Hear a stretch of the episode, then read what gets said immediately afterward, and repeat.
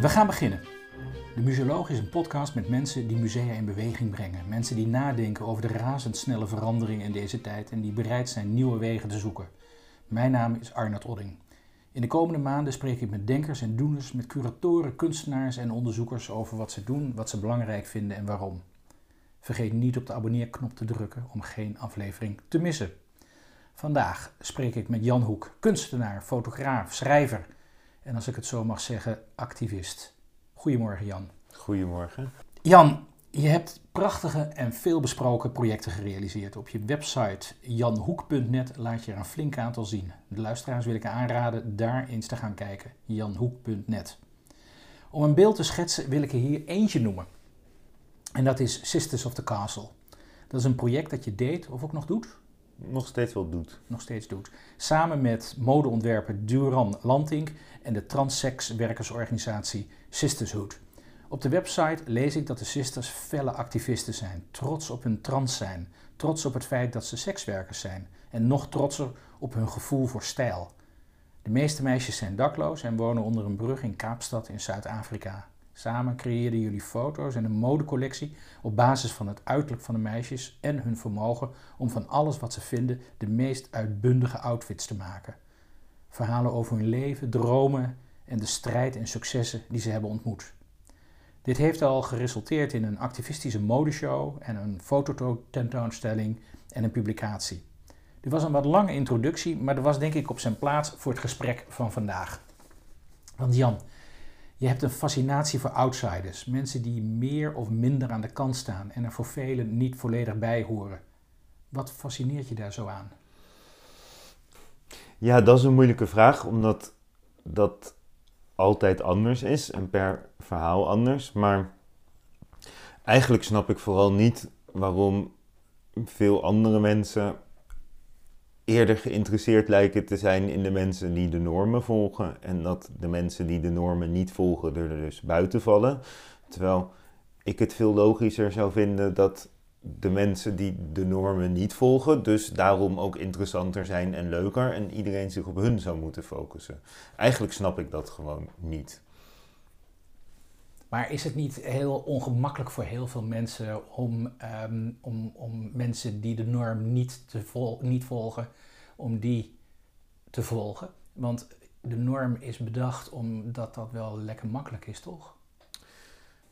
Ja, maar denk je niet dat we, als je ervan uitgaat dat we allemaal verschillend zijn, ja. Ehm, waar ik in essentie wel echt in geloof, is het dan niet eigenlijk juist veel bevrijdender om te kijken naar de mensen die de normen niet volgen. Want dan kan je jezelf ook veel vrijer voelen om het leven te leiden wat je misschien echt zou willen. Of om radicaler jezelf te kunnen zijn. Uh, om je minder uh, gek te voelen, zeg maar. Ik bedoel, in een wereld waarin iedereen afwijkt, wat denk ik veel leuker zou zijn, uh, wordt iedereen ook weer normaal. Vind, je inspiratie in mensen die zich niet aan de norm houden? Ja, ja. Ik denk ook dat er met veel mensen met wie ik gewerkt heb, um, je ziet eigenlijk altijd een soort tweedeling of een soort balans of een soort, of als je ernaar kijkt, je ziet eigenlijk altijd twee dingen die, die, waarin je aan de ene kant ziet van mensen die zich vaak niet aan de norm houden, die uh, ondervinden daar last aan, zeg maar. Dus het is niet alleen maar een feestverhaal. Dus met de Sista's kan ik absoluut niet zeggen, omdat zij zich niet aan de norm houden in van uh, alle sociale conventies in Zuid-Afrika, maar ook wel in de wereld, dat hun leven daar nou alleen maar beter door wordt. Want de meesten wonen op straat. Dat, dat, dat doen ze echt niet voor de lol. Uh, trans zijn wel. Uh, voor de lol, dat, dat is wel echt wat ze ook diep in hun hart willen. Sekswerk meestal wel, niet altijd. Um, hun eigen kleding maken ook zeker wel, om daarmee een soort karakter van zichzelf te maken. Uh, aan de andere kant zie je dat op het moment dat je de norm laat varen, en ook al moet je daar een prijs voor betalen, het je vaak ook een ander soort vrijheid oplevert, waar dan vaak overheen wordt gekeken. Dus ook als je naar de Sistas kijkt, maar eigenlijk met heel veel mensen met wie ik gewerkt heb, wordt er eigenlijk altijd gefocust op de zielige kant en het lijden en dat soort dingen. Terwijl er, er meestal ook een andere kant tegenover staat, waarin het niet conformeren ook leidt tot een verrijking, in ieder geval voor jezelf. En soms moet je daar een hoge prijs voor betalen. En ik vind het dan eigenlijk juist fascinerend dat voor sommige mensen die vrijheid zo belangrijk is, of het niet anders kunnen zijn zo sterk is, dat je bereid bent die prijs te betalen. Zijn de sisters ook outsiders? We gaan zo dadelijk verder eh, op in wat outsiders zijn, maar, maar toch even hier beginnen. Ja, het is een beetje. Um, ik vind het nu al gelijk moeilijk om hier antwoord op te geven. Want um, de term outsider was vroeger iets wat ik heel erg als geuzennaam ook gebruikte. Ja. En ik denk als je het puur maatschappelijk ziet, dat je wel nog kan zeggen van ja, je hebt de insiders en je hebt mensen die zo buiten de maatschappij staan dat ze outsiders zijn. En dan zijn de sista's dat wel. Maar omdat het in de context van de kunst een soort hele andere betekenis heeft gekregen uh, die voor mij, ik denk dat je het daar zo meteen over wil gaan hebben, een soort, soort, soort tweedeling heeft veroorzaakt in de kunstwereld, waarin het ook lijkt dat je niet meer van de ene naar de andere wereld bent gaan, kan gaan stappen, probeer ik in de context van de kunst zo min mogelijk het woord outsider te gebruiken. En eigenlijk leidt dat er automatisch toe dat ik het hele woord nu helemaal niet meer zo prettig vind. Ook omdat het definitief lijkt. Ik denk dat daar iets in zit. Van, van, van als ik kijk naar mijn ideologie, zoals ik het net vertel, van in een wereld waarin niemand zich aan de norm houdt, is iedereen normaal. Uiteindelijk is dat mijn ideaal. En zeg maar, als dat... Dan, dan zou je bijna zeggen dat het je ideaal zou zijn dat, dat iedereen outsider uh, gaat worden, omdat je daarmee ook iedereen weer insider kunt laten zijn. Ja, ja. Misschien wel gelijk erg ingewikkeld, maar toch. Nee, maar dat is precies eigenlijk wat, wat, wat we wilden. Dus ook toen we met de kunstruimte die we nu hebben begonnen, heet het eerst Outsiderland. Ja. En dat was precies met dit als ideologie. Dat we dachten van er moet niet die tweedeling zijn, maar in een land waarin iedereen outsider is, zijn alle outsiders eigenlijk de insiders. En daar dachten we van dat, dat daar kan dan iedereen samenkomen. Maar ja, dat werkte uiteindelijk toch niet zo, zeg maar. Ik denk dat daarin te idealistisch was over wat je als klein persoon kan, dat je niet een heel woord wat al zo'n geschiedenis heeft kan veranderen. Maar vertel eens over die organisatie waar je mee bent begonnen, No Limits Art Council. Wat is dat en waarom heb je dat opgericht?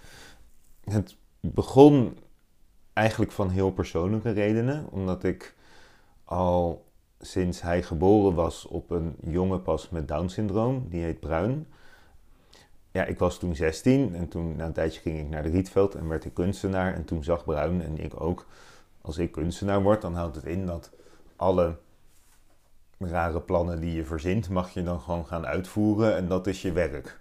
Ehm, kort door de bocht gezegd. Ehm, en dat is heel leuk. En ik maakte ook altijd kunst met Bruin. En met Bruin was ik altijd plannen aan het maken. Dus Bruin ging ook kunstenaar worden, omdat hij dacht ik wil ook zo'n leven waarin je gewoon je plannen kan uitvoeren. En toen kwam hij in een door de zorg opgezet kunstatelier terecht. En daar bleek het tegenovergestelde waar te zijn. Hij zat op een tekenatelier en daar mocht hij alleen maar tekenen. En als hij wou dansen, zeiden ze: Nee, Bruin, dit is een tekenatelier, je mag niet dansen. En als hij een fotoreeks wou doen waarin hij uh, uh, sexy dames wou fotograferen. Nou, daar is dan al helemaal niet over te praten. Niet aan de orde. Ja, en toen vond ik dat eigenlijk zo wrang. En, en, en dat was nog gewoon puur vanuit een, een, een soort, soort, soort ja, interpersoonlijke overwegingen. Dat ik gewoon dacht van ja, Bruin is een soort broertje voor mij. Of een soort kind. Of een soort, ja, ik weet niet helemaal hoe je het moet noemen. En, um, en dan gewoon dacht, ik wil dat hij naar een plek gaat waar hij beter tot zijn recht komt. En hij wil ook niet op een plek zitten waarbij het gevoel had dat er met iedereen iets was, zeg maar. Dat hij alleen maar tussen andere mensen met Down-syndroom of een andere beperking werd gezet. Daar werd hij ook niet gelukkig van. Dus ik nam hem in mijn studio en dat was eerst één dag per week. En uiteindelijk werd dat fulltime, omdat dat zo goed ging voor hem en voor mij. Dus, dus, dus hij kon opeens wel al zijn wilde plannen uitvoeren. En ik en mijn stagiaires hielpen hem daarbij. En tegelijkertijd hielp hij bij mij als ik een shoot had. En, en werd mijn studio veel leuker doordat Bruin er is. Ik weet echt zeker, ik heb echt altijd heel veel stagiaires. En ik denk dat die het ook echt zo leuk vinden, omdat het zo'n leuke sfeer is door, door Bruin, zeg maar. Dus het is echt van heel veel kanten uh, heeft het mijn en zijn leven verbeterd. En toen dacht ik van ja, dit is eigenlijk één voorbeeld van ik heb hem een soort privilege gegeven om als enige uit dat, niet als enige, maar als een van de enigen uit dat systeem te ontsnappen en het op een andere manier te doen. maar eigenlijk klopt het systeem niet.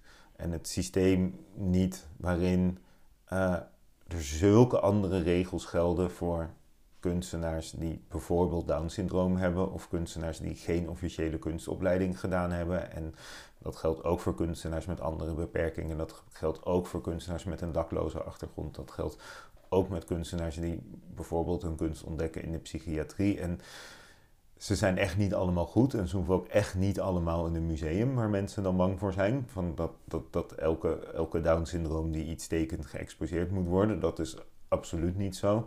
Maar het zou wel mooi zijn als die werelden elkaar iets meer raken. En een, en een kunstenaar met Down uh, die goed is, evenveel kansen krijgt om zich te ontwikkelen, om gezien te worden, om er heel langzaam naartoe te werken of hij dan wel ooit wel of niet ooit in een museum terecht kan komen, ook buiten de wereld van outsider art.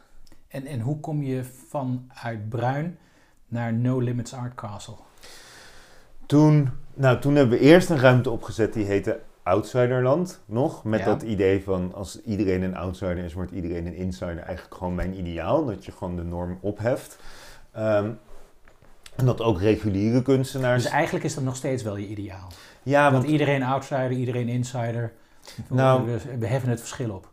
Ik denk dat heel veel reguliere kunstenaars eigenlijk ook getraind zijn en goed zijn, omdat ze vaak buiten de normen kunnen denken en out of the box kunnen denken en uh, uh, continu de status quo bevragen en, en een geest hebben die, die uh, essentieel anders werkt dan, dan, dan de norm. Dus daarin zag ik eigenlijk nooit zoveel verschil tussen reguliere kunstenaars en kunstenaars die als outsiders gelabeld worden. Ik dacht van eigenlijk al die kunstenaars hebben gemeen dat ze heel uniek en anders kijken dan de meeste mensen. Dus in die zin zijn ze allemaal outsiders en is die om die groep met unieke denkers dan nog eens te verdelen in outside en insider, vind ik heel raar en heel onlogisch. Je zou kunnen zeggen dat je kan zeggen de niet-kunstenaars en de wel-kunstenaars. Dat is de verdeling tussen outsider en insider. Dus, dus daarom heb je outsider land, heb je No Limits Art Castle uh, heb je, uh, genoemd. Wat kan ik daar zien? Toen hebben we dus de naam veranderd. Ja. Uh, want we begonnen een ruimte en wat we deden is dat we kunstenaars koppelden.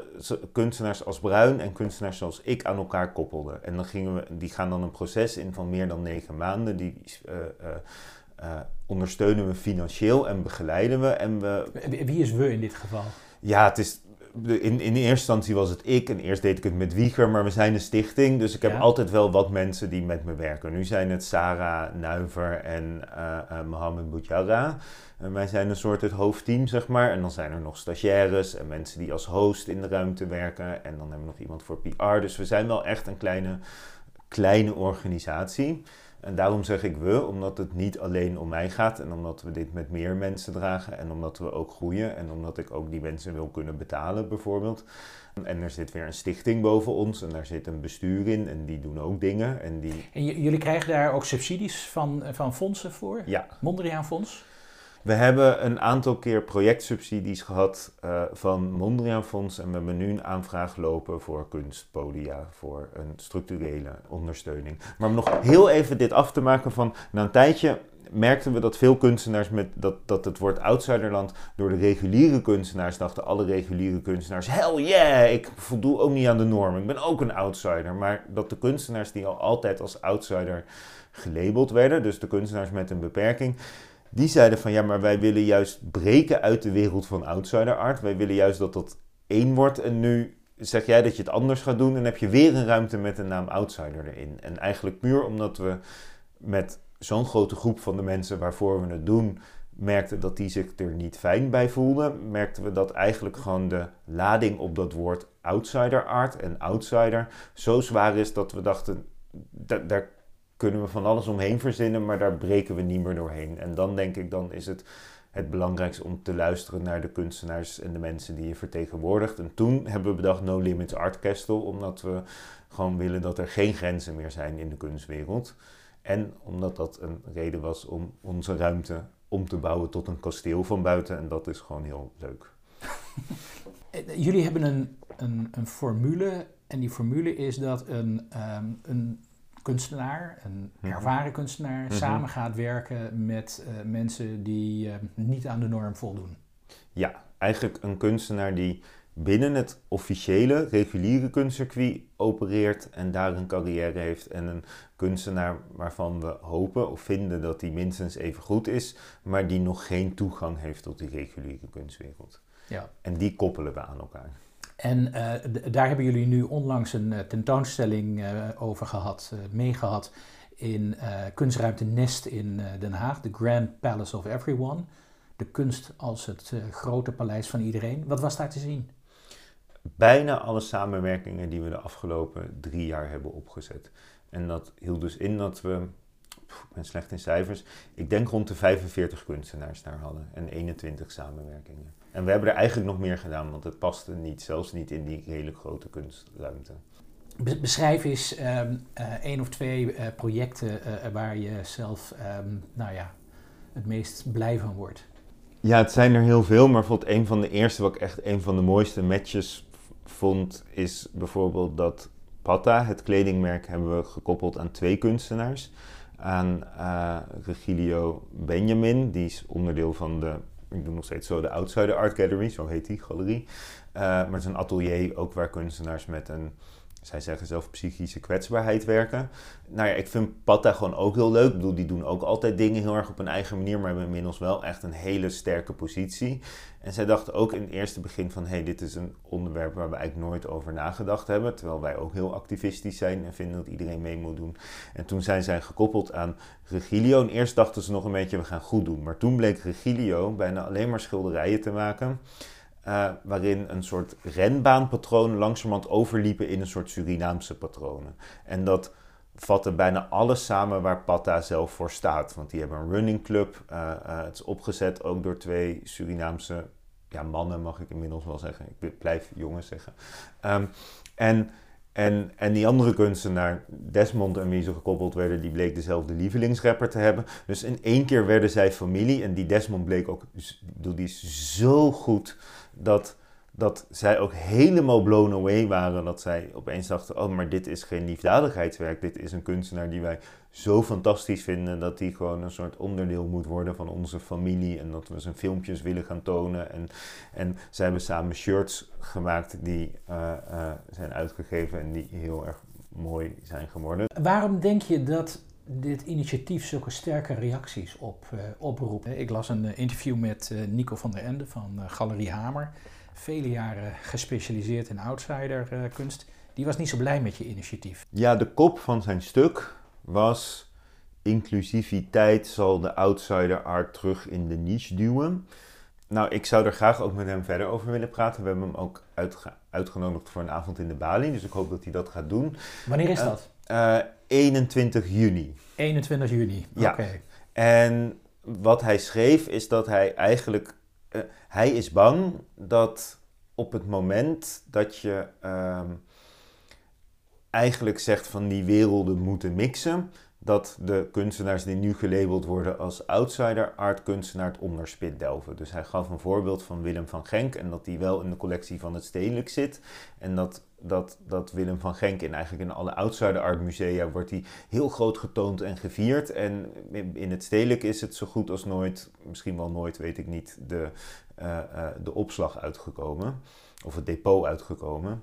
Dus hij zegt van ja, als dat helemaal door elkaar loopt, dan gaan toch de reguliere kunstenaars die overroelen dan de kunstenaars die nu als outsider art gezien worden. Ik, ik interpreteerde het zo. En dat hij zei. En wat vind je daarvan? Ik denk, nou ja, dit is een man die en heel veel ervaring heeft. Ik denk dat al die voorgangers die we gehad hebben en die op dit vlak dingen gedaan hebben, um, ik wil er niet te negatief over zijn, want die hebben ook de weg bereid voor wat wij doen. Hij is ook heel lang een pionier geweest. Maar ik denk wel dat tijden nu veranderd zijn. Dat, dat, want hij schreef, ik heb dit al zo vaak gehoord dat mensen dit pleidooi hebben. En dan gaan mensen er weer over nadenken en het lukt nooit. En ik denk dat we inmiddels toch wel in andere tijden leven, waarin we zien dat er al zoveel verandert, dat dingen wel kunnen veranderen. En dat, um, ja, bijvoorbeeld als je naar zo'n stedelijk museumdocumentaire kijkt. Uh, uh, White, White, Balls on Walls, inmiddels een beroemde ja, documentaire. Ja, dan zie je toch echt hoe Rijn Wolfs met zijn team dan echt bij de collectieopstelling gewoon echt per zaal kijkt van genoeg vrouwen, genoeg mensen van kleur. En dat zij er ook mee bezig zijn. Hoe kunnen we zorgen dat al die mensen die we normaal vergeten, of zelfs als ze in ons depot zitten, niet ophangen, dat we die er wel in doen. En ik denk dat deze groep ook nog vaak buiten hun vizier blijft. Terwijl als dat in het rijtje wordt opgenomen, en ik denk dat dit wel het moment is dat dat zou kunnen gebeuren, zij toch ook moeten gaan kijken van hé, hey, als we een grote tentoonstelling doen die de Meet the Icons tentoonstelling moet gaan vervangen, dat je toch wel kijkt dat er een paar kunstenaars uit zijn die ook dit perspectief vertegenwoordigt. Ja, in het, in, in het stuk uh, met uh, Nico van der Ende las ik kwaliteit, kwaliteit, kwaliteit. Daar gaat het uh, om. Mm -hmm. Dus een soort van angst dat, er, ehm, dat, dat, dat kwaliteit niet meer belangrijk ja, zou zijn. Maar dat is heel grappig, want dat is echt iets wat bij elke emancipatiebeweging, ik bedoel, toen, toen, toen vrouwen op de deuren rammelden om de kunstwereld binnen te komen, toen gingen ook alle mannen zeggen van ja, maar wij kijken naar kwaliteit. En als er dan dus dingen zijn die anders zijn dan we gewend zijn, zeg maar. Dus er worden vrouwen, als ze dan met zachte kleuren werken of dingen maken over bevallingen of over persoonlijke onderwerpen, dan is dat geen kwaliteit, want kwaliteit is abstract. En toen kwamen de kunstenaars van kleur en toen ging ook de hele kunstwereld zeggen van ja, nee, maar we moeten wel op de kwaliteit letten. En dan werden heel veel niet-westerse kunstenaars gelabeld als niet van goede kwaliteit, omdat we andere maatstaven hadden. En daarom vind ik het eigenlijk wel gek dat hij met dat argument komt, omdat ik denk dat hij als geen ander moet weten dat er ook binnen de wereld die gelabeld is als outsider art eigenlijk zoveel kwaliteit is die zo goed zou moeten zijn, dat ook de musea en, en, en de wereld buiten de outsider art wereld um, daar gewoon blij mee zouden moeten zijn. Ja, ik las ergens uh, van Rijn Wolfs van het Stedelijk Museum uh, dat, hij, dat hij zei van ja, de, de, de criteria die zijn aan het schuiven, de criteria moeten veranderen.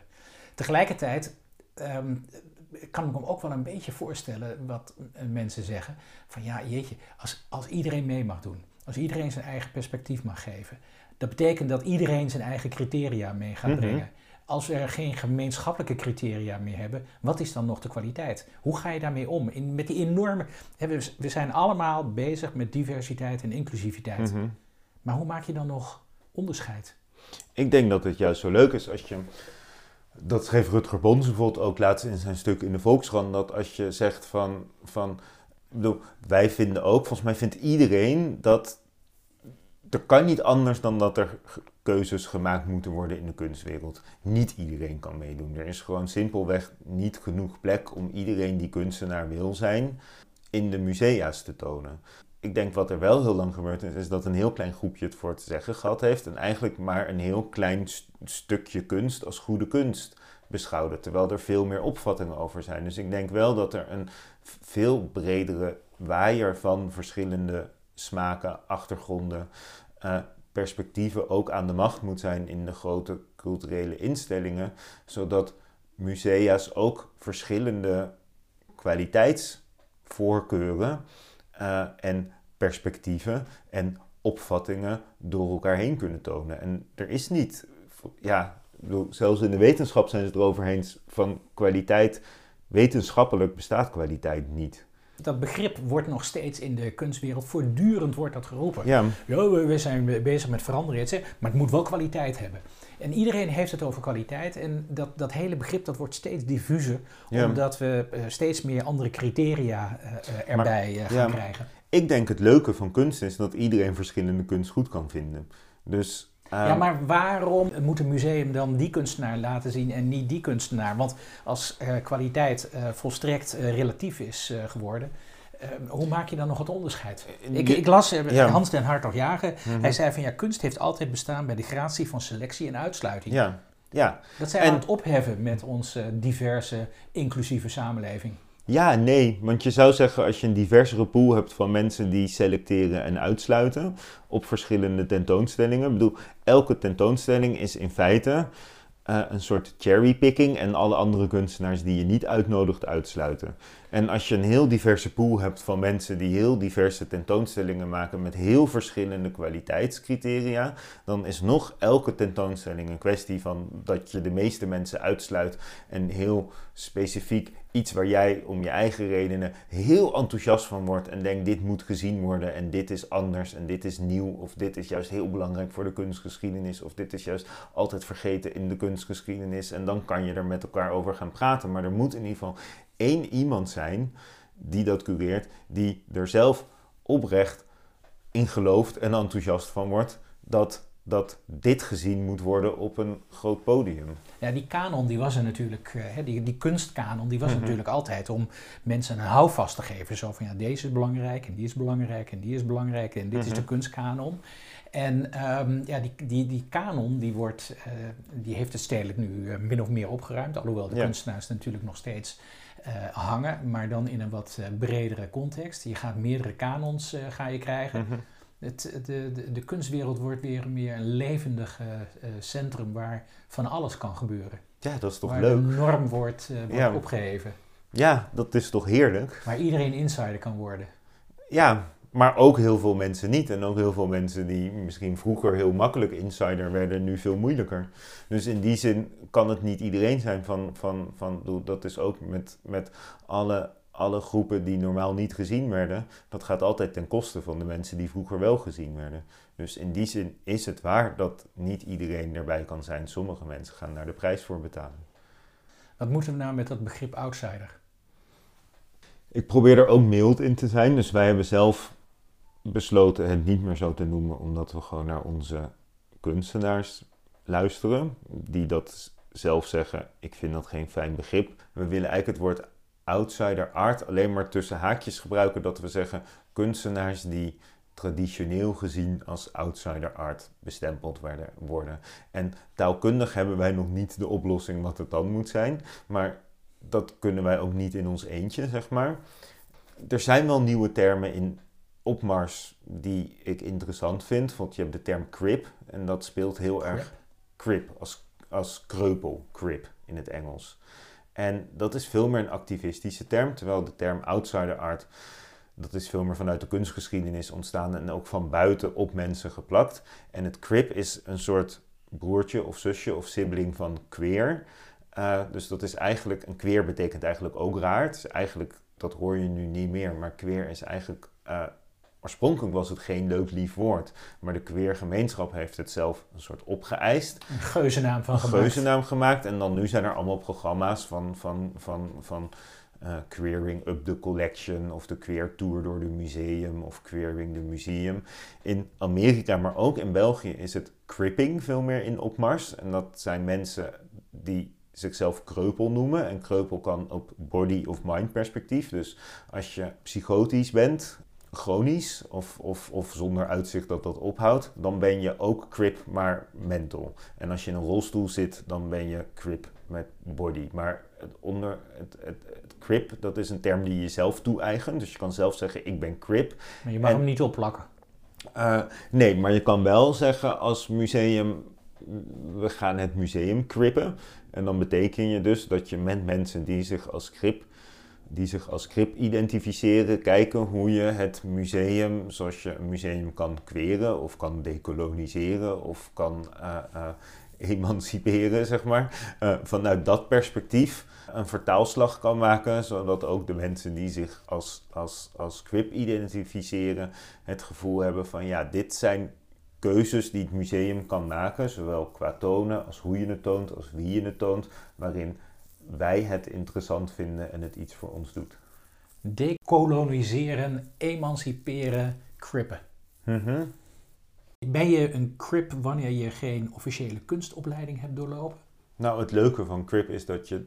Daar is ook wel veel discussie over in die wereld. Waar, um, is, ja, je kan dat dus niet over anderen zeggen. En ik denk dat ja, het betekent wel echt iets anders dan niet een officiële kunstopleiding gedaan hebben. En in die zin is het gesprek nu ook heel soms lastig op dit onderwerp, omdat er eigenlijk heel veel grote groepen zijn die voor een groot gedeel overlappen, maar niet helemaal. En alles betekent net iets anders. Want als je het hebt over kunstenaars met een beperking, en dan vindt ook niet iedereen het woord beperking fijn, maar ook niet iedereen vindt het woord invalide fijn. Dat is één groep, maar dat gaat weer, weer niet over dakloze mensen of over kunstenaars met, die uit de, met een psychiatrische achtergrond hebben. De term outsider art gooit al die verschillende groepjes die als overeenkomst hebben dat ze geen officiële kunstopleiding gedaan hebben en een beetje buiten de kunstwereld opereren op, op één hoop. Um, Art Brut doet dat ook. Dan, dan, dan heb je cripping, betekent eigenlijk weer wat anders. Dus er zijn heel veel termen die allemaal net verschillende dingen dekken. En elke term is omstreden. Dus ik ken eigenlijk geen één term die ik kan gebruiken. Um, waar niet mensen boos om worden. Omdat er uiteindelijk altijd een stigma van uitgaat. Ja, maar bijvoorbeeld met, met... Je ziet wel dat waar we bijvoorbeeld als het gaat over kleur heel lang heel ongemakkelijk waren, omdat we niet wisten wat we moesten zeggen. En toch in een vrij korte tijd is nu duidelijk geworden van je zegt mensen van kleur, je zegt zwart-wit. En eerst wist niemand het en, en nu zijn we, omdat het zo hoog op de agenda stond, is die discussie gewoon beslecht en zijn de woorden er. En ik denk wel als deze discussie harder gevoerd wordt en meer gevoerd wordt, dan denk ik, hoop ik, weet ik eigenlijk niet zo goed, dat dat misschien met dit ook wel gebeurt. Waarom ben je kunstenaar geworden? Ja, dan zeggen kunstenaars altijd omdat, omdat, omdat je uiteindelijk niks anders kan. En ik denk wel dat dat in die zin met mij, ik heb wel andere dingen gedaan, maar dat mijn hoofd ook wel zo werkt dat ik eigenlijk ook heel veel dingen niet kan. En dat ik. Ja, dat het op zo'n eigen manier werkt, zeg maar. Dat ik iets moet doen waarin ik me niet aan al te veel. Ja, waarin het een soort de kronkelingen kan maken die het nou eenmaal maakt. En dan kom je al snel uit op kunstenaar. Of op psychiatrisch patiënt. Dat is als ik het heel groot zeg. Maar... Je hebt kronkelingen en die kronkelingen die wil je een vorm geven. Ja, een beetje. Ja, je wil dingen anders doen, je, of je moet dingen anders doen, of je kan het niet anders. Maar wil je ze anders doen omdat, omdat je ze anders wilt doen, of wil je ze anders doen omdat je het anders ziet? Ik denk dat loopt allemaal door elkaar. Ik heb zelf ook wel te maken met bepaalde vormen van neurodiversiteit of een hoofd wat gewoon echt niet hetzelfde functioneert als andere mensen. Ik, bedoel, ik heb medicijnen nodig om te kunnen functioneren. Uh, heel lang had ik ze ook niet.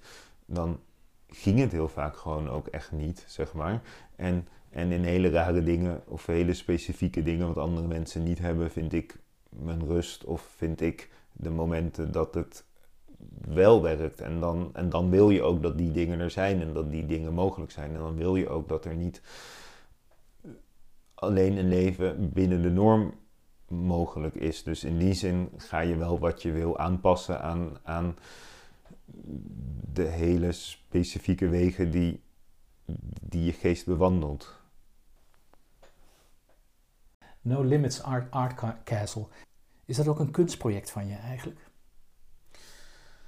waar, waar, eh. begint de kunst en waar eindigt de kunst? Wat, we, we, hebben het, kunst is zo'n categorie in onze samenleving. Mhm. Als ik jou beluister, dan is het een, way of life. Ja, ik denk ook wel dat we daarom No Limits heten, omdat dat we eigenlijk proberen de meeste grenzen die je zelf moet opleggen, proberen los te laten. Dus dat gaat niet alleen over dit. Het gaat ook heel simpel over de vraag van, zijn we een kunstorganisatie of een kunstproject? Dan zeg ik, ah ja, daar zit niet precies een grens tussen. Is het van mij of van iemand anders? Daar zit ook niet een duidelijke grens tussen. Maar bijvoorbeeld ook met kunst en design, wat ik nu ook twee best wel gescheiden werelden vind, proberen we heel vaak door elkaar te gooien. Ehm, we proberen ook een, een, dat er minder grenzen zijn tussen dag en nacht. Dat komt ook specifiek door de locatie waar we zitten. Maar we zijn in het weekend wel overdag open vanaf twee uur, maar we zijn eigenlijk voornamelijk s'avonds open omdat we uh, in Sexyland World zitten en onderdeel zijn van hun. En dat we het heel leuk vinden om ook een serieuze kunstruimte, een galerie te zijn die gewoon tot middernacht open is in het weekend. Waar je om, om 11 uur s'avonds op een vrijdagavond nog kunst kan gaan kijken, even tussen de dansen door. Onze belangrijkste missie is denk ik wel nou, ik weet niet of dat al bekend is, zeg maar, maar dat is de meest duidelijke, is dat we van de wereld wat nu outsider art genoemd wordt en reguliere kunst gewoon veel meer door elkaar willen krijgen. Maar het zit ook op heel veel andere vlakken. Dat we gewoon denken, we no limits betekent ook een beetje niet aan de regels willen houden. En we gaan nu een show doen met kunstenaars die ook sekswerker zijn of sekswerkers die ook kunstenaar zijn. Ehm, dat lijkt een heel ander onderwerp, maar eigenlijk hebben die kunstenaars ook twee identiteiten in zich, waarvan ze eigenlijk bijna allemaal zeggen dat ze die door hoe de systemen ook in de kunstwereld nu zijn, niet samen kunnen brengen. Dat de kunstwereld eigenlijk niet kan omgaan met kunstenaars die seks werkers zijn. En dat heel vaak dan van hen wordt verwacht dat ze dat stukje buiten hun werk houden. Of als curatoren of kunstmensen erachter komen, dan denkt een curator gelijk dat als je een show met hun boekt, je ook gelijk een nacht met hun boekt. Um, dus daarin zitten ook allemaal regels. Is kunst toch uiteindelijk dan het bevragen of het bediscussiëren van de norm? Ja, zo is het toch altijd geweest. Dat is toch ook zelfs kunsthistorisch geweest. Dus daarom is ook die hele kanon, of wie er wel of niet kunst is, of we moeten aan kwaliteit vasthouden, van elke nieuwe stroming was in feite een stroming die de vorige stroming overhoop haalde. En daardoor kwamen ze in de kanon. En dan, en dan elke keer gaan mensen zeggen: nee, dit is geen kunst. Terwijl ik dat dan eigenlijk zo dom vind, omdat ik gewoon denk: van ja, maar als je terugkijkt, weet je dat de dingen waarvan de mensen die nu in macht zijn zeggen dat dat geen kunst is, dat dat bij essentie de kans heeft om in de kanon van de toekomst te komen of de kunst te veranderen of dat dat wel kunst kan zijn. Het zou wel leuk zijn als er gewoon heel veel kanonnen kunnen zijn. En ik denk eigenlijk, daarvan weet ik er niet genoeg van, dat weet jij misschien beter, maar dat het nu zo lijkt dat het zo simpel was dat gewoon de ene stroming de ander zich opvolgde. Maar volgens mij wilden heel veel mensen die een nieuwe stroming begonnen ook dat de kanon veranderde. Ik denk dat de futuristen er ook helemaal niet zo op zaten te wachten dat, dat alle magisch realisten van vroeger nog een hele grote plek in de kanon hadden. Dus ik denk dat dat, dat eigenlijk ook van alle tijden is dat de nieuwe generatie ook kritisch terugkijkt op de kanon van vroeger. Als, als mensen geïnspireerd zijn geraakt, hoe pakken ze dat dan aan? Nou, als kunstenaar kan je altijd zelf gaan kijken van er zijn als eerste 200 zorgateliers. Daar is ook niet helemaal een juiste naam voor. Vaak zeggen ze gewoon ateliers die dan zijn opgezet door de zorg. Uh, dus 200. Dat zijn die ateliers waar je wel mag tekenen, maar er niet mag dansen. Uh, soms, ja. Maar er zijn hele goede en er zijn hele tuttige.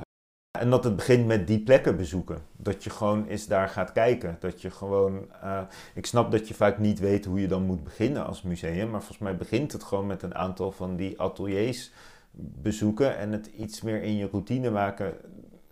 En dat zit ook bij die ateliers hoor. Waar kunstacademies eens per jaar een een eindejaarsshow hebben die de hele kunstwereld bezoekt.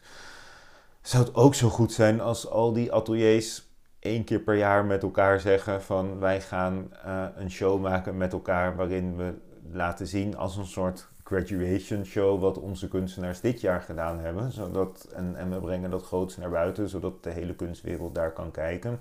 Wat is je belangrijkste tip om uh, met elkaar aan het werk te gaan? Uh, dat laten we op dit moment ook onderzoeken. Dus we werken samen met Stephanie van Zal en die uh, heeft gesprekken met alle kunstenaars die met elkaar samenwerken. En ook als de samenwerkingen niet lukken en ook als ze juist wel lukken om een beetje in kaart te brengen waar zit dat hem in. Er zijn wel een aantal tips. Als eerste neem de tijd. Dus ook van de binnen de cryptbeweging heb je een term crypttime. En dat betekent dat als je crypt bent, over het algemeen alles langer duurt. En ik denk dat we dat in bijna alle samenwerkingen zien waar de reguliere kunstwereld toch ook best wel op productie gericht is en presteren. Dus dan, dan werken mensen heel vaak in een korte tijd naar één project toe en dan presenteer je het met een bang en ga je weer naar je volgende project. Als je een samenwerking opzet met iemand die een hoofd heeft wat heel anders werkt, en die er heel lang niet heeft mee mogen doen, moet je zorgen voor regelmaat. Dus dan gelden er wel weer andere regels. En regelmaat houdt ook in dat iemand langzamerhand aan je kan wennen. Dat, iemand, dat je ook niet helemaal dat leven binnenstormt, dan even alles bent en dan weer weg, bent. weg bent. Ja, dat werkt echt best wel vaak traumatiserend als mensen het wel zo doen. Ook als je dan weggaat, vaak houdt dat ook in dat je dan veel langer juist met elkaar doorgaat. Want stel je voor, je ziet elkaar één keer per week dat kan je ook wel vol blijven houden naast andere dingen als je daar inspiratie uit haalt en het klikt en het werkt, zeg maar. Terwijl, um, Uh, zo, er zijn andere dingen die we onlangs geleerd hebben. Vond ook met Bruin dat uh, werken op de vaste plek is voor heel veel kunstenaars, in ieder geval voor heel veel neurodiverse kunstenaars met een zorgvraag heel belangrijk. Dus Bruin lijkt soms alles te kunnen. Die is nu het gezicht van Mr. Marvis. Hij was genomineerd voor de Volkskrant Beeldende Kunstprijs. Van, het is toch echt wel sinds bij mij in de studio zit dat um, er allemaal ongelofelijke dingen gebeuren. Hij maakt nu videoclips met, met allemaal uh, beroemde muzikanten. En dat lijkt hij allemaal een soort achterloos te doen, uh, uh, alsof hij geen enkel gevoel voor stress heeft. Maar toen er inderdaad sprake van bleek te zijn dat wij van studio moesten verhuizen.